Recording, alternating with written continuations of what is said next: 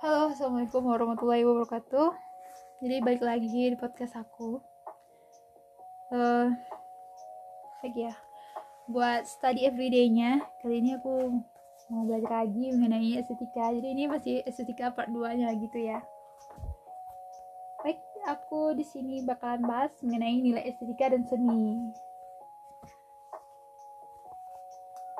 Jadi ya menurut Kant ada dua macam nilai estetis itu. Nah yang pertama nilai estetis itu adalah uh, nilai estetis atau nilai murni ya.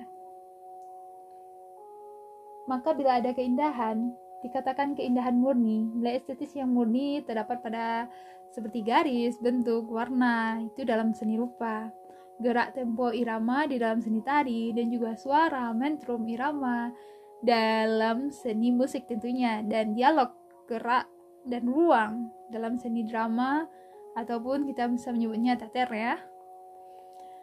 Baik, eh, yang kedua yaitu nilai ekstra estetis atau nilai tambahan. Nilai ekstra estetis ini nilai di luar estetisnya yang merupakan nilai tambahan yang terdapat pada bentuk-bentuk manusia, alam, binatang, dan lain-lain. Gerak lambayan, sembahan, dan lainnya seru suara, tangis, dan lain-lain. Keindahan yang dapat dinikmati penggemar seni yang terdapat pada unsur-unsur tersebut disebut keindahan luar estetis. Uh, di sini ada teori intrinsik ya, yang ada di dalamnya seperti itu. Terdapat pada bentuknya, yang disebut bentuk ialah penyusunan medium indrawi atau permukaan karya seni itu sendiri. Contohnya dalam lukisan pemandangan alam, nilai mungkin uh, nilai uh, alam, nilai keindahan murni atau keindahan yang sesungguhnya ialah kepuasan yang ditimbulkan oleh hubungan warna-warna, garis-garis, bentuk-bentuk yang dapat disadari. Sedangkan keindahan tambahan atau keindahan yang tidak relevan dengan keindahan sesungguhnya ialah sebagai objeknya. Dasar teori ini berasal dari Plato yang dianut dan dikembangkan oleh Kant, yaitu tentang nilai Herbert pada abad ke-19 dan Cliff Ball dan menurutkan seluruh nilai kemanusiaan dari karya seni akan bertambah dengan nilai ekstra estetis. Dalam karya musik absolut, seluruhnya adalah bentuk belaka yang hanya nilai musikal. Oke, yang kedua yaitu teori ekstrinsik, ekstrinsik atau formal. Suatu dari arti-arti dalam makna dalam dan susunan medium indrawi, makna kulit yang menampung proyeksi dari makna dalam, harus dikawinkan. Nilai-nilai itu keindahan mencakup semuanya meliputi semua arti yang diserap dalam seni dari cita yang mendasarinya. Oh ya, aku ini baca bukunya dari buku Prof. Dasono ya. Judulnya Estetika. Bagi yang ingin memiliki bisa langsung cari mungkin uh, sudah di ada ya kalau kita mau beli di Shopee seperti itu. Atau bisa menghubungi pihak terkait yang menyediakan buku ini ya. Yang ori kalau dapat bagus itu. Harus yang ori lah. Oke. Okay.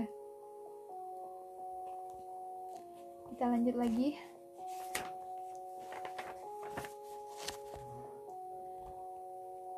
Dan seri teori serba intelektual. Seni sendiri ialah mengungkapkan kebenaran. Yang berdasarkan dari filsafat Aristoteles, keindahan adalah kebenaran. Keindahan yang benar atau kejujuran, kebenaran. Di sini bukan kebenaran alami atau sosial, tapi kebenaran seni, yaitu suatu perwujudan dalam bentuk khayalan, sensitif, dan imajinatif form. Dan ada pula orang yang menyebut kebenaran baru, new reality, dan kebenaran kedua atau second reality. Menurut anggapan teori ini, tiada bedanya tujuan dan, ilmu, dan nilai ilmu pengetahuan dengan seni. Bedanya hanya caranya, ilmu menyajikan bayangan dalam bentuk nilai-nilai abstrak, sedangkan seni menyajikan bayangan yang nyata dan merupakan perumpamaan. Saya setuju ya dengan ini. Uh, dalam berkarya seni, yang dituntut itu adalah kejujuran. Seseorang yang tidak jujur, dia tidak akan bisa melahirkan suatu karya seni yang benar-benar real, yang benar-benar dari jiwanya sendiri, akan terlihat kebohongan-kebohongan di sana kalau menurut saya ya. Karena karya seni adalah hasil cipta karsa dan rasa dari senimannya. Sana memiliki rasa dan akan sangat rapuh suatu karya bila di sana tidak ada rasa. Apa yang ingin diungkapkan dalamnya?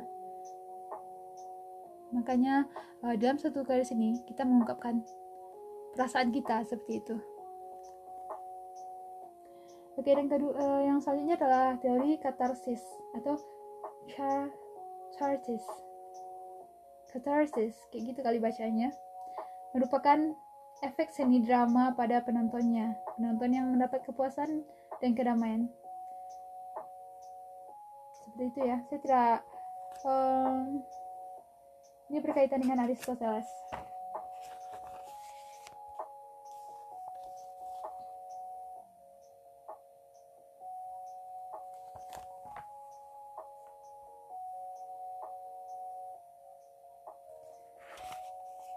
materi seni, kita akan lanjutkan ke materi seni ya. Menurut Hegel, keindahan adalah idea yang terwujud dalam indera. Beauty is the idea as it shows itself to sense. Maka materi ini seni tak lain adalah ide, idea, sedang formanya terdapat dalam gambaran indrawi dan khayalinya. Maka agar dua segi, segi ini tergabung dalam seni, materi itu harus sesuai untuk berubah menjadi objek seni. Jadi di sini ada idea, gambaran indrawi dan khayal ya.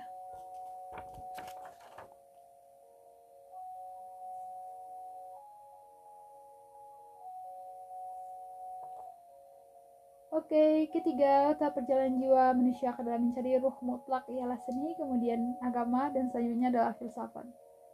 Ada tiga hal di sini yang saling berkaitannya, yaitu seni, agama, dan filsafat. Uh, saya setuju sih untuk hal ini. Uh, di saat berkarya, saya juga memikirkan mengenai agama saya, kepercayaan saya, imannya saya. Selain berkeinginan untuk berkesenian seperti itu. Karena hakikatnya ya seorang yang mencintai seni, uh, dia adalah orang yang sangat perasa kalau menurut saya. Dia akan memikirkan segala sesuatu uh, menelaah dan melihat jauh ke dalamnya. Mungkin menurut orang itu adalah batu biasa tapi menurut seorang seniman ada sesuatu yang spesial dari batu itu sehingga dia bisa menciptakan karya dari batu itu. Seperti itu batu itu bisa diolah menjadi suatu bentuk-bentuk seni yang indah dan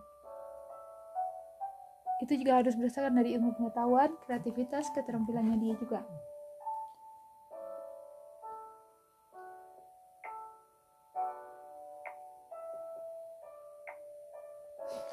Nah, kita masuk ke selanjutnya yaitu tahapan seni, tahap seni ya.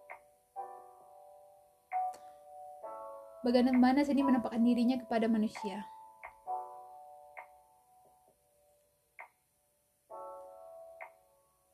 Menurut Hegel, seni adalah hubungan yang terdapat antara idea dan gambaran indrawi. Maka disebutnya simbolis.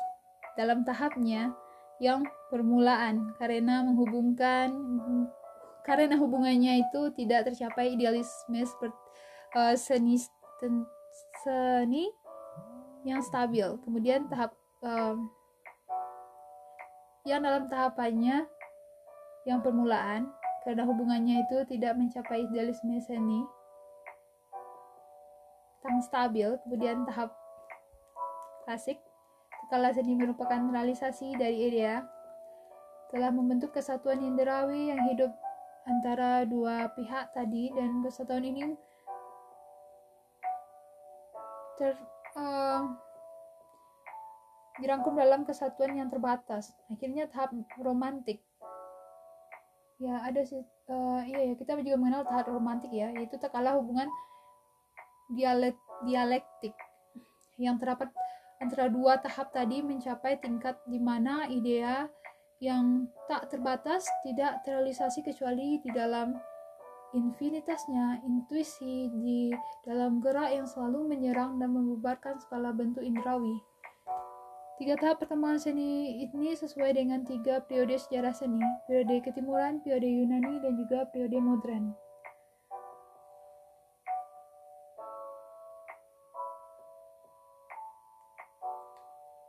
Seni pahat mewakili tahap seni klasik dan seni lukis, musik, dan puisi mewakili terhadap romantika. Akan tetapi, puisi atau syair dapat dibagi menjadi dua bagian. Pertama mempunyai bentuk seni rupa atau lukis, dan yang kedua mempunyai seni bentuk sugesti dan musik seperti syair yang dilakukan. Semua bentuk yang berbeda-beda ini berpadu menjadi satu dalam drama. Ini Watchis ya. 1985 37 sampai 38. Oke, sekian dulu untuk hari ini karena hari sudah sore juga saya cukupkan dulu. Uh, selamat sore dan sampai jumpa di lain waktu. Wassalamualaikum warahmatullahi wabarakatuh